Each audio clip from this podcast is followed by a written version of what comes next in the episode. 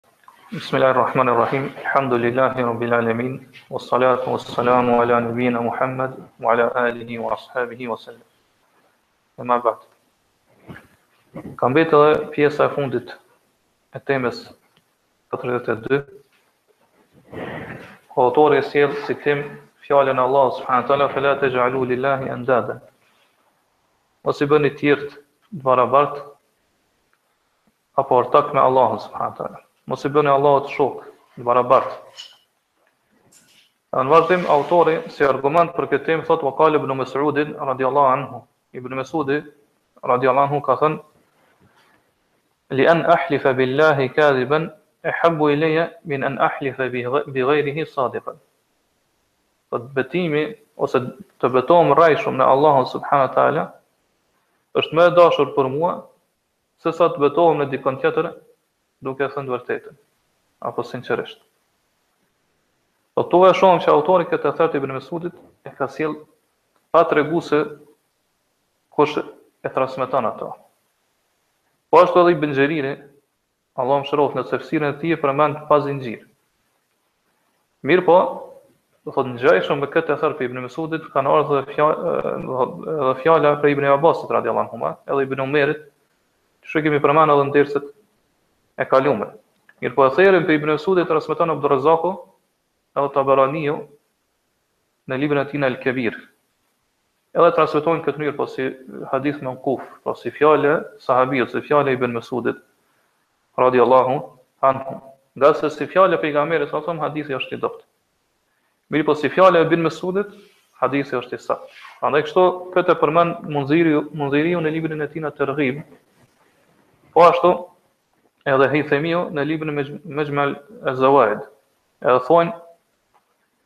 Ruwatuhu ruwatu sahih.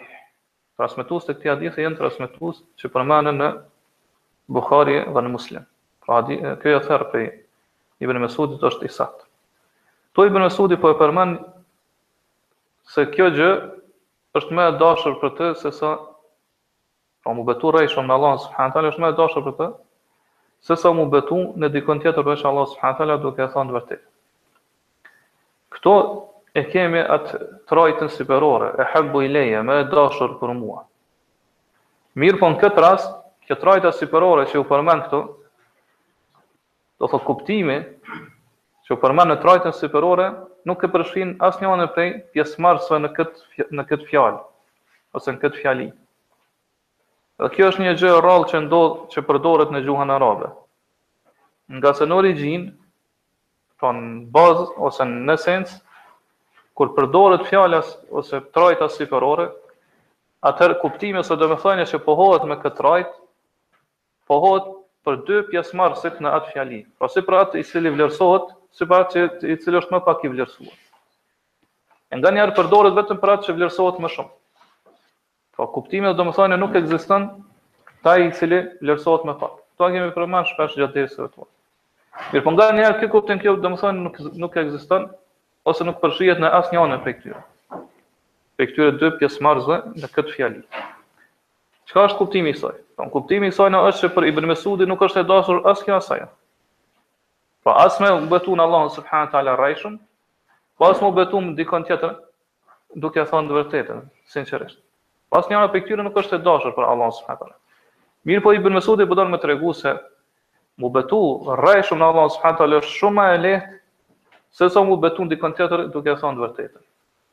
Pra betimi në Allahun subhanahu teala rrejshëm është prej mëkateve të mëdha. Edhe është haram, pra është ndaluar nga dy aspekte. E para që ajo vetë është gënjeshtër, është rren. Do thonë na e dina që gënjeshtra është prej mëkateve të mëdha. Po vetëm vetëm me rrejt me gënjy është mëkat i madh. Mirëpo, do thonë aspekti tjetër i dytë është që kur ksaj gënjeshtre ja bashkon edhe betimin në Allahun subhanahu teala,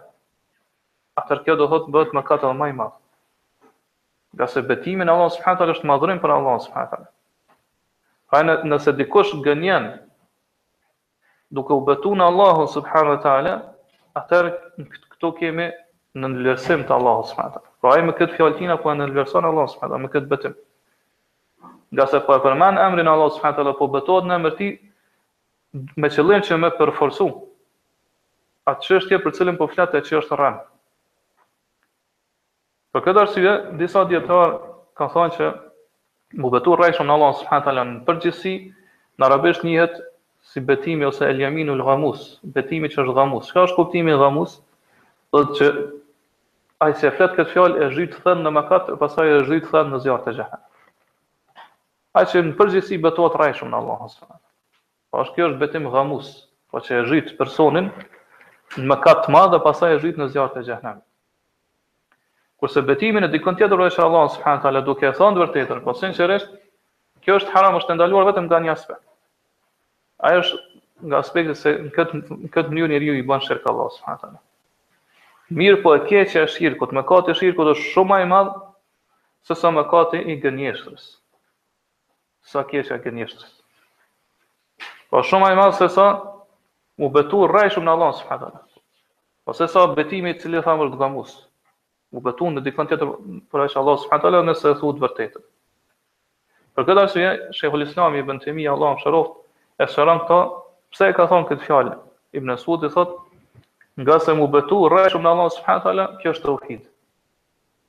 Po ti kur betohesh në Allahun, e ke bë tauhid Allah subhanahu taala, e ke njësu Allahun.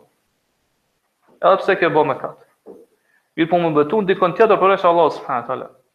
Kjo është shirk. Edhe nëse supozohet që dikush e ka një pjesë, një hise të vërtetësisë, do të thotë fjalët e sinqerta që e thotë gjatë atij betimi. Mirëpo thotë e mira, mirësia e tauhidit është shumë më e madhe se sa mirësia vërtetësisë.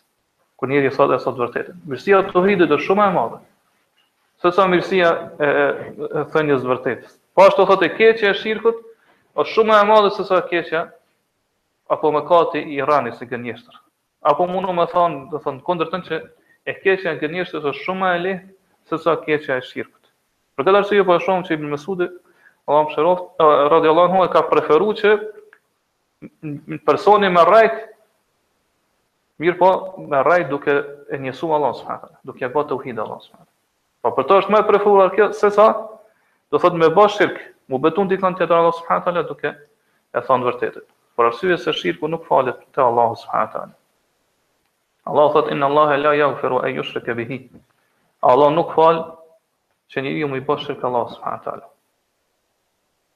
Ajeti njëqind e gjashtëmbëdhjetë i Sures Nisa. Kemi thënë disa dijetarë këtu me atë ajet e fusin shirkun e vogël. Pra Allahu subhanahu wa taala gjithë të dërguarit që i ka dërguar. Po ashtu edhe gjithë librat që i ka zbrit, qëllimi ka qenë që me asgjësu shirkun. Me tregu kotësinë e shirkut. Pra shirku është mëkati më i madh. Edhe nëse është shirk i vogël. Pra shirku i vogël është mëkati më i madh prej gjitha mëkateve të mëdha. Prandaj Allah Allah subhanahu taala në surën Luqman ajetin 13 thotë inna shirka la dhulmun adhim. Vërtet shirku është padrejtësi e madhe. Pra nuk ka padrejtësi më të madhe se sa shirku. E kur është pyet pejgamberi sallallahu alajhi wasallam ayu dhanbi a'zam, cili është mëkati më i madh,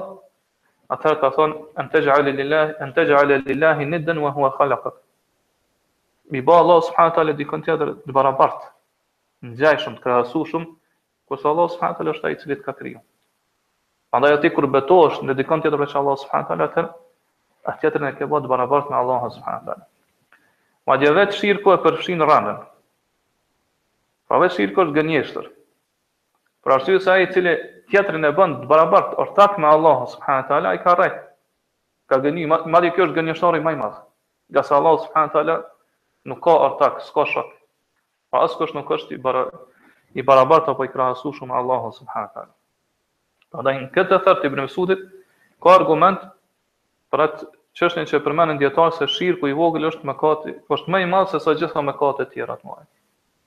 Shirku i vogël që i bëhet Allah subhanahu wa Kurse disa njerëz do thotë i ruan mëkatet e mëdha, mirë po i bëjnë shirk Allah subhanahu wa taala me gjuhët e tyre. E kjo është më e madhe më e rëndë te Allahu subhanahu teala se sa ato mëkate të mëdha që i bëjnë tjerët. Po ashtu në këtë ether kemi edhe argument për një rregull që e përdorin dietarët e që është me vepru të keqen më të vogël. Po nëse njeriu është para dy të këqijave, a gjithçysh njërën don me vepru, atëherë lejohet me zgjedh edhe me vepru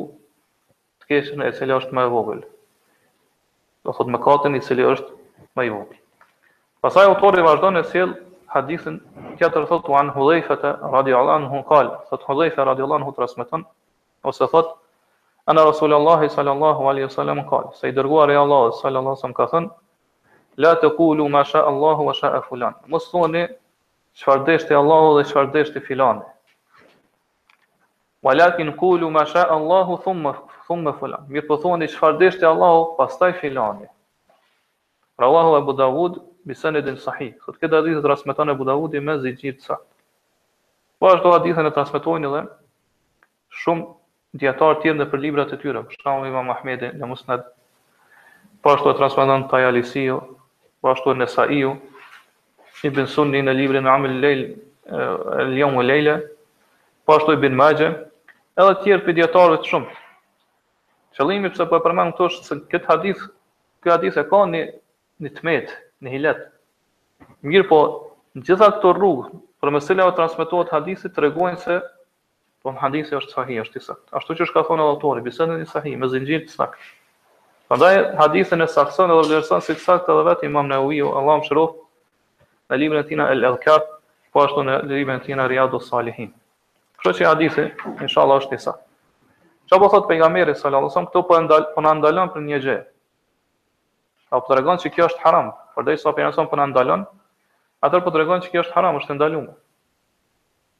Pra po na po na mëson se cilat janë ato fjalë që ne duhet të zgjedhim kur të flasim me to. Edhe cilat janë ato fjalë që janë të ndaluara me i fol. Po të mos thuani çfarë deshti Allahu dhe çfarë deshti filani. Pse nuk lejohet me thonë këtë? Ngase këtu është përdor lidhëza dhe. Waw, që është arabisht. E kjo kërkon me barazu, i barazu pjesëmarrësit në atë fjali. Po çfarë deshti Allahu dhe filani. Po në arabisht kur vendoset kjo pjesëza dhe, atëherë tregon do thot bashkim të pakufizuar. Po krejt ata të cilët janë aty do thot janë të barabartë. Ata që përdoren në atë fjali. Po nuk tregon renditje, radhitje. Apo vonim. Mirpo tregon ortakri, po që ata janë krejt bashkë. Po personi i cili e thot këtë fjalë Ky sikur dëshirën apo vullnetin që vjen prej Allahut subhanahu wa taala ka barazu ose e ka bërë të njëjtë me vullnetin dëshirën që vjen prej njeriu. Po kur thot masha Allahu wa shit, ose masha Allahu wa sha fulan. Çfarë dëshiron Allahu, çfarë u bë pra, Allah, çfarë deshe ti? Çfarë deshi Allahu, çfarë deshe ti kështu me radhë? Po e barazon dëshirën vullnetin e Allahut me dëshirën e krijesës. Kjo është shirk në shprehje. Po shirk i vogël. Mirpo nëse e beson që ajo krijesë është më madhështore, më e madhe se sa krijuesi, apo është e barabartë me krijuesin, atëherë kjo është shirk i madh. E nëse ai veç beson që është në shkallë më të ulët, atëherë kjo është vetëm shirk i vogël. Pra varësisht besimit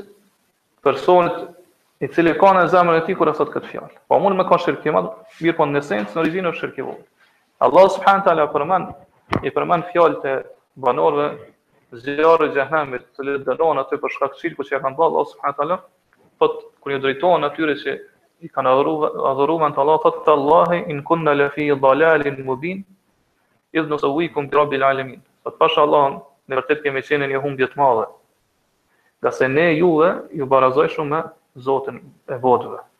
Ju kemi konsideru të barabart me Zotin e botëve. Ata Pejgamberi na tregon se qysh duhet me thanë. Ue lakin kulu ma sha Allahu thumme ma shae fulan. Mirëpo thuani çfarë deshti Allahu dhe pastaj çfarë deshti filani. Po, Pejgamberi na ndalon për një shprehje, prej një fjale që është haram, për po, shirk, e po na mëson se cila është Ajo shprehja e lejushme, me thanë thumme, me sjellë ndajfoljen thumme, ngase thumme tregon renditje, radhitje dhe tregon vonim. Po tregon se personi i cili do thot i bashkangjitet të parit është shkallë më e ulët, po vonohet vjen më vonë. Është shkallë më e ulët, prandaj nuk ka të keqe me thanë kët mënyrë ngase ai e pason të parit. Po çfarë deshti Allahu, pastaj çfarë deshti filani. Këtu është edhe një çështje tjetër që ka të bëjë me gjuhën arabe, ngase kjo do thotë nuk nuk nuk ekziston në gjuhën shqipe, pjesëza fa. Ma sha Allahu fa shae fulan. Çfarë deshti Allahu edhe filani do thotë fa. A lejohet kjo? Ngase pjesëza fa në gjuhën arabe është mes pjesëzës uau edhe pjesëzës thumme. Por dallon prej pastaj prej prej ndajfoljes pastaj thumme, për arsye se thumme pastaj tregon njëfarë vonim, që ai vjen më vonë. Kurse fa tregon që ai vjen menjëherë mas tina. Mirpo e pason, do të thotë vjen pas tij. Mirpo po e shohim që është do thotë në përputhje me me me ndajfoljen thumme, ngase tregon renditje. Po, së pari ka ardhur tjetri, pa, do thotë pastaj ka ardhur tjetri. Prandaj, në bazë të saj ne themi që kjo është e lejushme, mirëpo më së miri është që njeriu shprehet me atë që ka ardhur në hadith të Pejgamberit, me atë që na ka udhëzu Pejgamberi. Kjo është më parësore. Po, me thanë thumme, pastaj çfarë deshti, ngase në këtë mënyrë do thotë shfaqet dukshëm dallimi mes krijuesit dhe krijesës. Çfarë deshti Allahu, pastaj filani ose ti, çfarë deshte ti. Po është obligim, prej kësaj ne kuptojmë që është obligim për besimtarin që t'i pastrojë shprehjet fjalët e tina, në mënyrë që me, edhe me fjalët e tina me madhru Allah subhanahu taala. Ngase një zemër e cila e madhron Allah subhanahu taala nuk ka mundësi me përdor fjalë në të cilat ka barazim mes krijuesit edhe krijesës sa i përket shkallës, sa i përket nivelit. Po pavarësisht a e bën këto në dëshirë, në vullnet, Domethënë çfarë deshti Allahu dhe filani apo në betim që kemi marrë në dersën e kaluar, apo në cilësi dhe në atribute, apo në atribuimin e mirësive që kemi marrë në dersën e kaluar, nuk, një zemër që e bën tauhid Allahun, edhe madhron Allah nuk ka mundësi me përdor fjalë në cilat e barazon krijuesin me krijesën. Për këto, çfarë deshti Allahu dhe deshti filani, do të inshallah do zgjerohemi edhe më shumë kur vjen tema e veçantë mas dy temave, të cilën autori e sjell në këtë libër. Mirëpo prej këtij hadithi ne po i përfitojmë disa dobi. E para është që ky hadith po e pohon vullnetin edhe dëshirën për, për robin. Ky filan. Prandaj këtu ka kundërpërgjigje ndaj një sekti të devijuar në Islam që janë xhebritë. Të cilët thonë se krijesa pra robi, njeriu nuk ka dëshirë, nuk ka vullnet. Mirëpo është i imponum me vepru. Çfarëdo që vepron është i imponum? Po, dhe thotë, a është, ju ka caktu rruga, ose më mirë me thonë është i imponum në ato vepra që i banë. Nuk ka kurrfarë zgjidhje. Nuk ka kurrfarë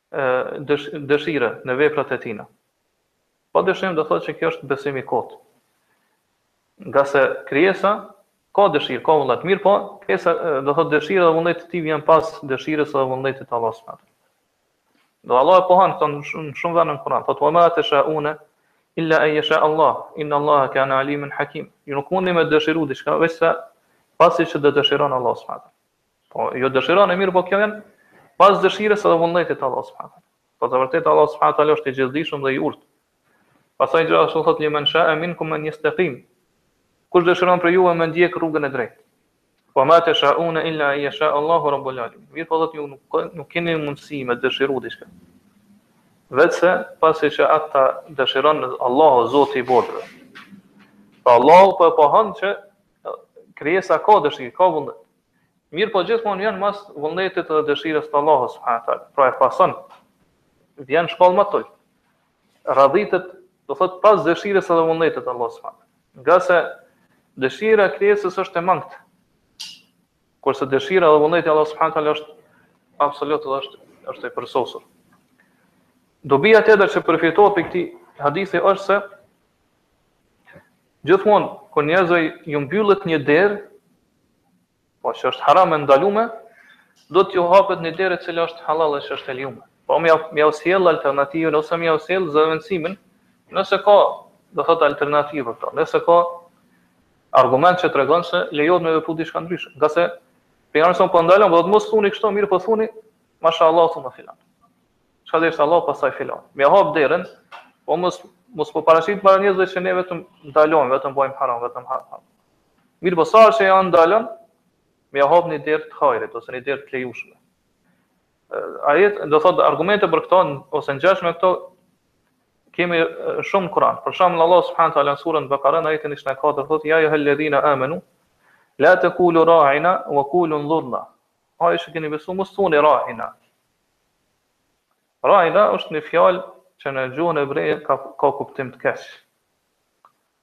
Prandaj sahabët e kanë përdorur këtë fjalë, po në arabisht i vjen na dëgjo me vëmendje. Mirëpo në, në gjuhën e hebrejve ka pas kuptim të keq. Kështu që hebrejtë kanë fillu me u tallë me pejgamberin, sallallahu alaihi wasallam, përmes asaj fjale. Pra kanë ardhë te ai dhe i kanë thonë rajina. A kanë pas për qëllim kuptimin e keq, ose domethënien e keqe që ka qenë në gjuhën e tyre. Po që disa dijetarë kanë thonë është kuptimi që rajina është i thonë ahmakut.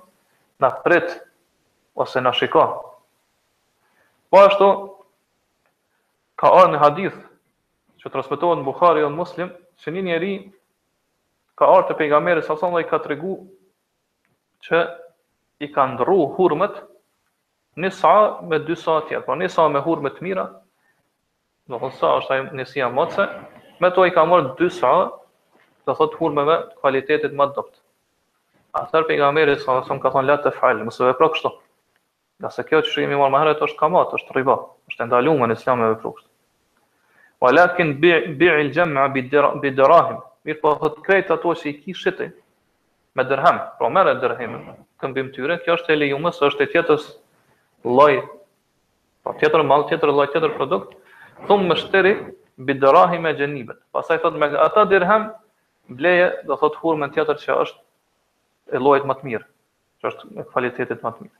Kështu që pejgamberi po e ndalon prej një rruge që është haram, mirëpo po e hap rrugën tjetër që është e lejushme. Po këtu prej kësaj po vërtetohen këto dy dobi, këto dy dobi të mëdha. Pra e para është që këtu po shfaqet qartë plotësueshmëria dhe gjithëpërfshirja e kësaj feje, këtij sheriati, fesë të Allahut subhanahu teala. Që sa herë që ja ka mbyll një derë që është haram, ja ka hap një derë tjetër që është hallall e që është shumë më e mirë, shumë më e hajrit për ta. Po ashtu mësojmë prej saj dobia tjetër që ne duhet t'jau lehtësojmë njerëzve. Me largu vështirësinë prej tyre. Po me këtë mënyrë që ka përdor Pejgamberi me shokët e tij, ne duhet ta përdorim edhe me, njerë, me njerëz tjerë, sipas mundësive, në bazë dijes tonë.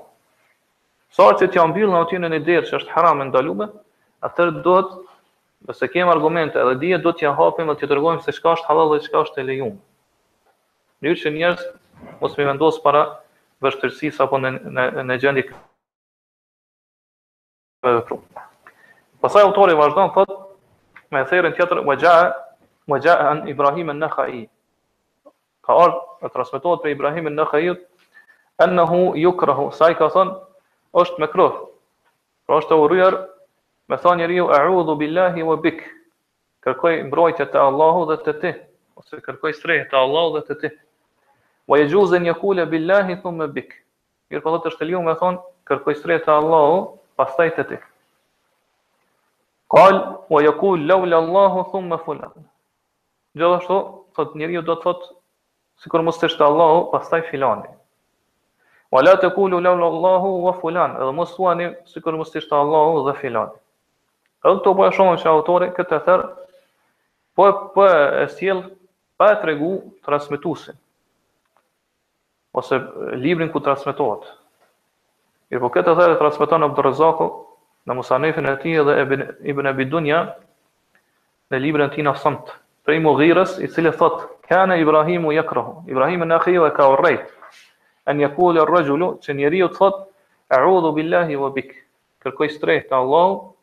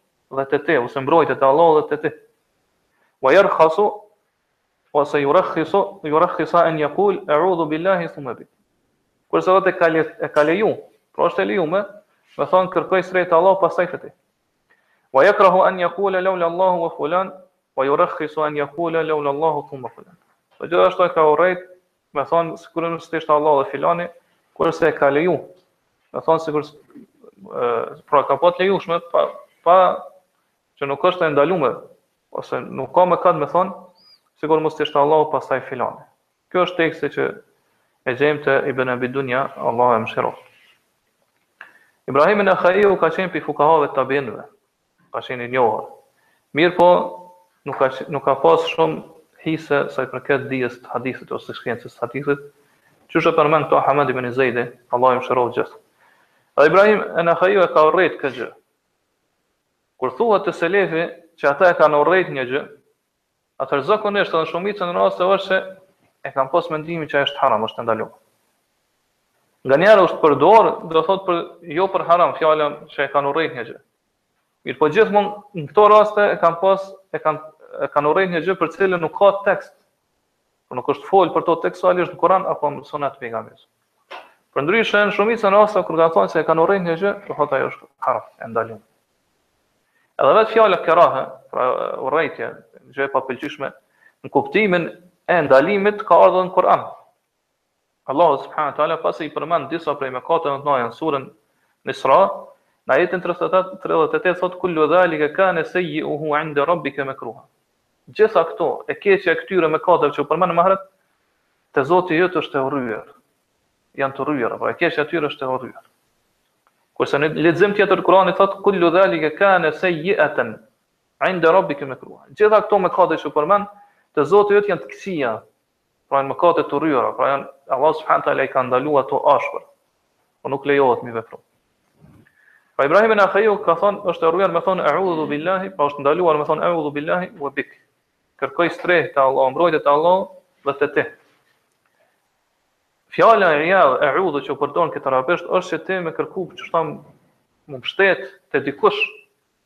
Edhe me kërku mbrojtje te Ai prej gjërave që ty nuk të pëlqejnë, prej gjërave që ti i urren ose do thotë frikësohesh që dëmtojnë.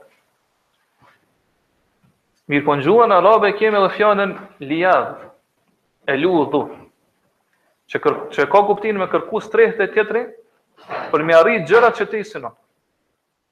Pra kjo është të tregon madhështinë e gjuhës arabe.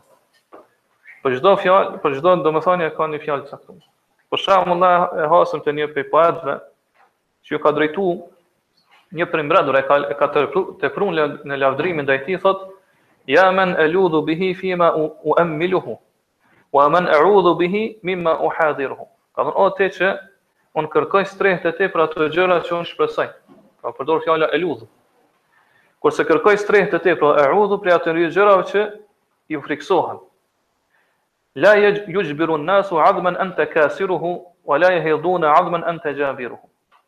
Këta njerëz nuk kanë mundësi me kap një asht të cilën ti e then, mirëpo nuk kanë mundësi gjithashtu domethonë me thy një asht të cilën ti e bashkon. Po qëllimi nuk është vetëm për asht, po ka kuptim ma gjerë, po gjërat që ai i ka vepruar njerëzit nuk kanë mundësi të thot me me vepru të kundërtën e tyre. Po këto me këto dy vargje poetike ai ja ka drejtuar një njeriu. Mirëpo dijetarët kanë thonë që këto fjalë lejohet me i thonë vetëm për Allah subhanahu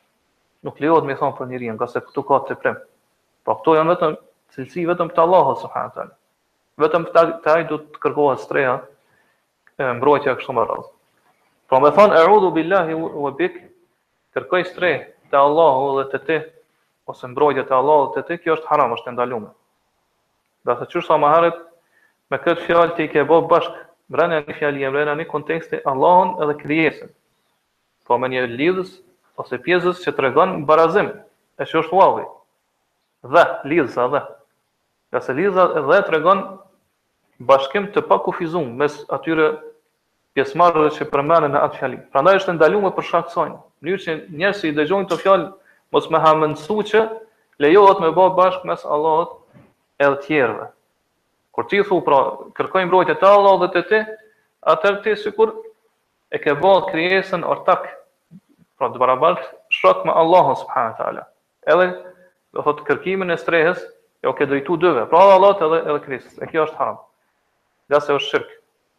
Pra është shirk i vogël. Apo shirk i madh varsisht thamë të besimit edhe itikadit të personit.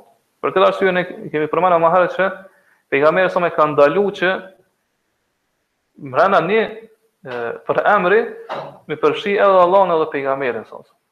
Po kur e për, përdor përemrin i cili pastaj kthehet te Allahu dhe te pejgamberi sa sa kjo është e ndaluar, pra duhet me nda. Po kjo kjo është me qëllim që për qëllim pra që mos me bë bashkë mes Allahut dhe krijesës edhe në fjalët e tona, edhe në shprehjet e tona, nuk lejohet. Mirëpo lejohet me fut ndajfoljen thumme, qysh ka thonë ky dijetar,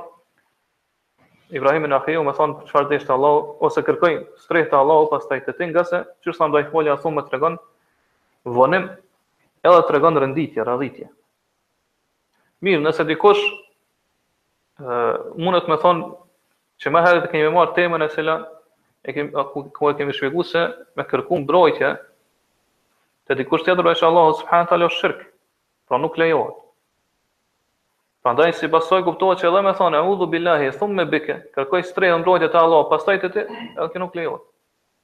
Ngase kjo është shirk. Mirëpo përgjigja për këto është se me kërku mbrojtje edhe strehë te dikush mbrenda mundësive edhe forcës në cilës në cilën në cilën ia ka dhënë Allahu subhanahu teala kjo është e lejume.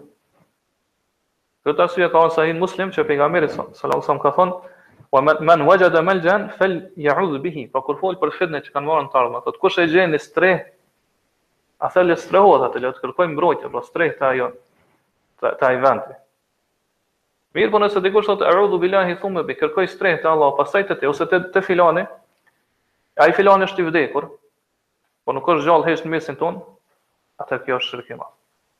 Ngase i vdekuri nuk ka mundësi me të mbrojt ty. Nuk është në mundësinë e tina që ai me të mbrojt ty. Po kur e sjellim këtu ndajfoljen thumme kjo lejohet në rastet kur ti do thotë i drejtohesh krijesës me të mbrojt ose me të dhënë strehë mbrenda mundësive ose në çështjet që janë mbrenda mundësive të tina, të cilat ja ka dhënë Allahu subhanahu teala.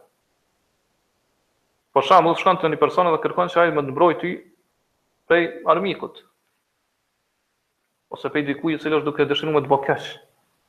Nëse ky person është gjallë, është prezent ose i dëgjon fjalët e tua dhe është në mundësinë e tina me ta dhënë këtë mbrojtje, atëherë kjo është e lejume. Mirpo, kërkimi i mbrojtjes është në mënyrë të pakufizume. Të pakushtëzume, kjo duhet të jetë vetëm për Allahun subhanahu wa taala. Pra nuk lejohet që t'i drejtohemi me këtë kërkim mbrojtjes të vdekurit apo dikujt tjetër, që nuk ka mundësi me të mbrojt. Ne ma herët e kemi përmend që el istiadha apo kërkimi mbrojtjes apo strehës i ka dy anë, dy këndvështrime. E para është, do thot, ana e dukshme E jashtme, edhe tjetra është ana e fsheht, e padukshme. Çka është qëllimi me anën e fsheht, të padukshme? Po se ti do thot kur të kërkoj, kërkosh strehë te tjetri, atëherë me u mshtet te ai, me zemrën tane është fjala. Me u mshtet te ai me zemrën tane, do thot me u kap fort, me pas dëshirë, shpresë, frikë prej tij, po që me gjithë zemrën tane me iu drejtu tjetrit.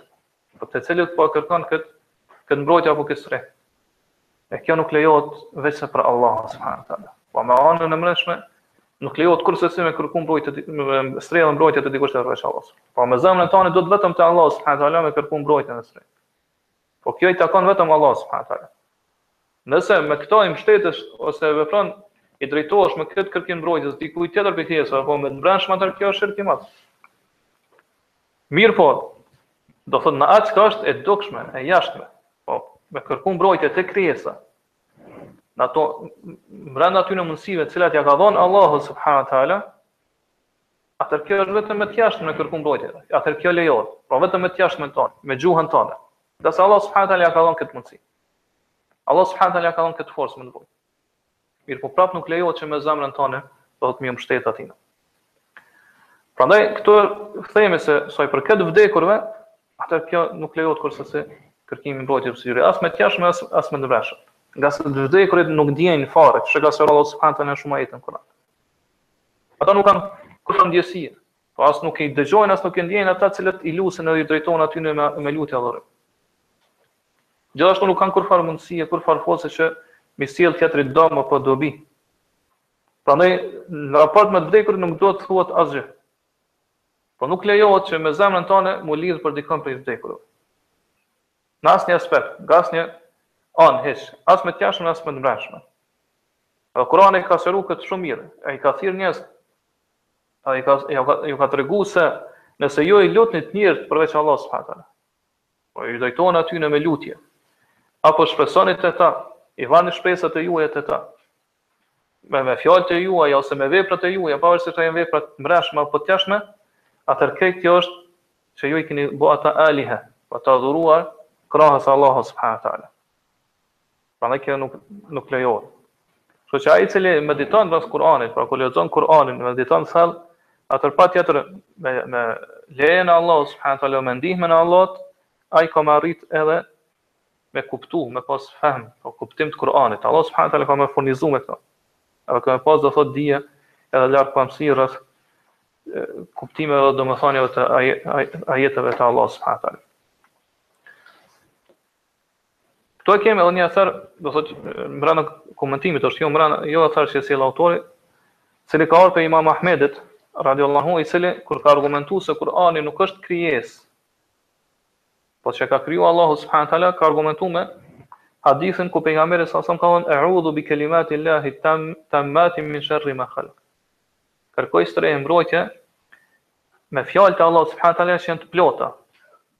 përsosura, prej çdo të keqe që Ai e ka kriju. Pra kërkoj mbrojtje strehë te Allahu subhanahu te fjalët e Allahut subhanahu teala të plota prej çdo të keqe që Ai e ka kriju, ose prej të keqes krijesave t'tina. Prandaj ka thënë Imam Ahmedi që me kërku mbrojtje me krijesë nuk është ndalum, nuk është e lejume, pra është e ndalume, nuk lejohet.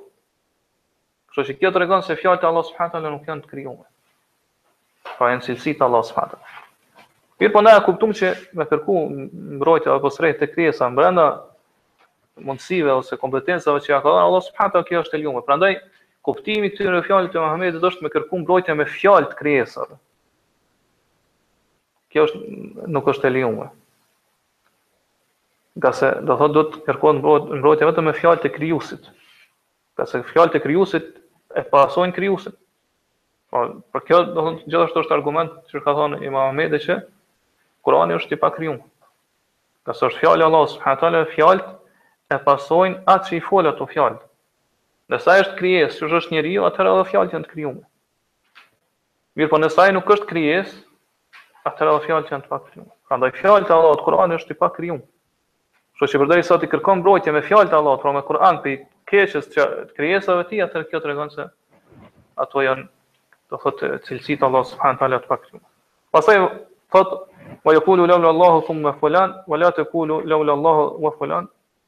Thotë edhe njeriu duhet të thotë sikur mos të ishte Allahu, pastaj filani, edhe mos thoni thotë kurrsesi mos të ishte Allahu dhe filani, për këto kemi fol në derset e kaluara, kështu që do thotë nuk ka nevojë përsëri pra.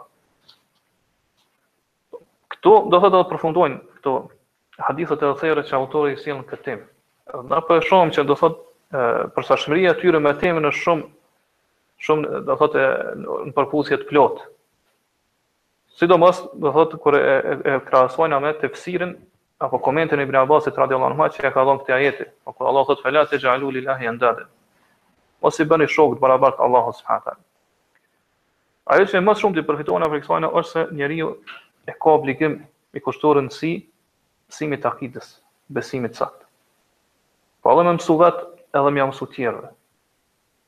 Po me ditë se cilat janë ato çështje që e pakësojnë ose e mangësojnë edhe e bëjnë me defekt, me t'meta akiden e tina.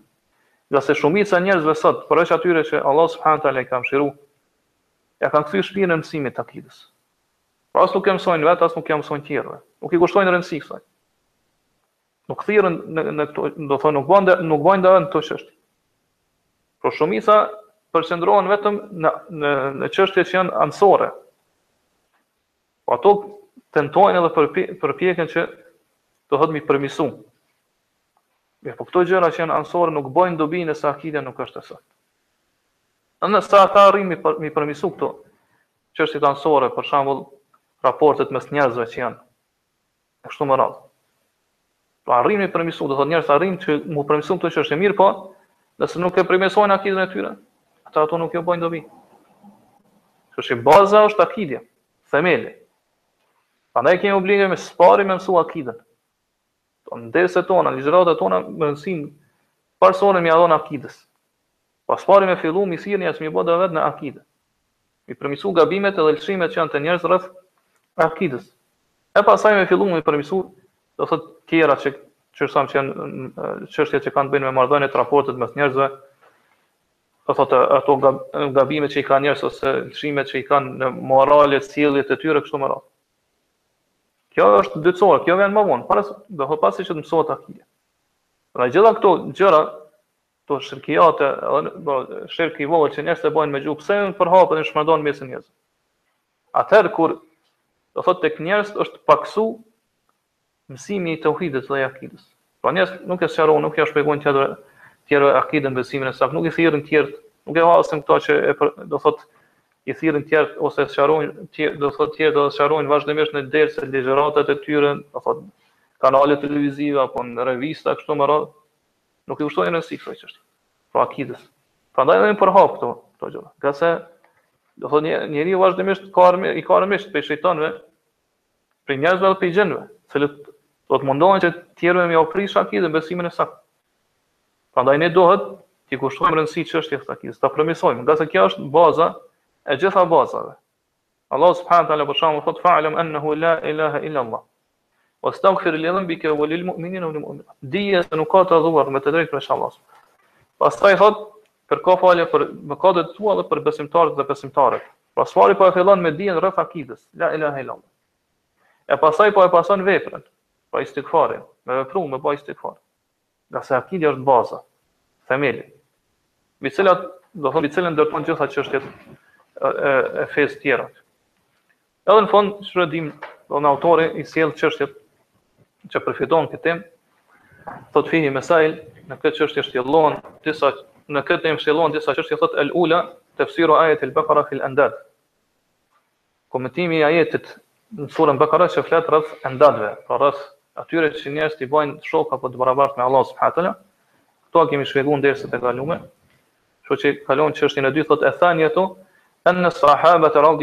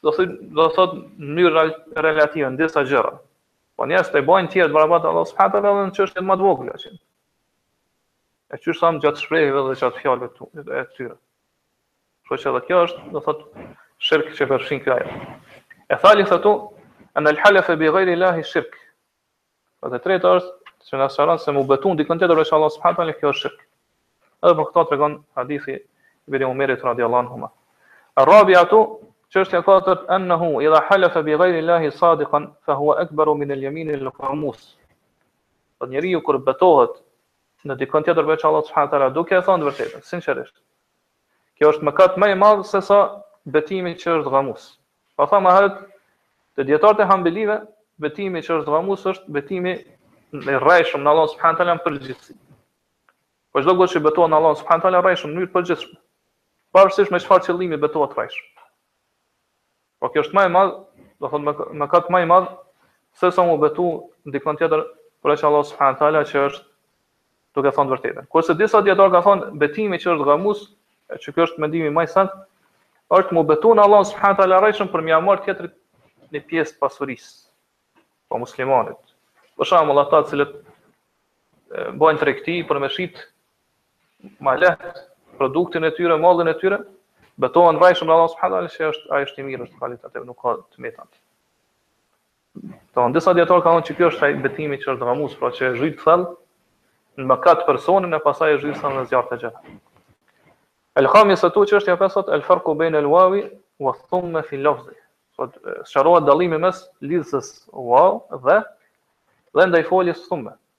Pastaj, kur kjo përdoret në shprehjet apo fjalët e tona.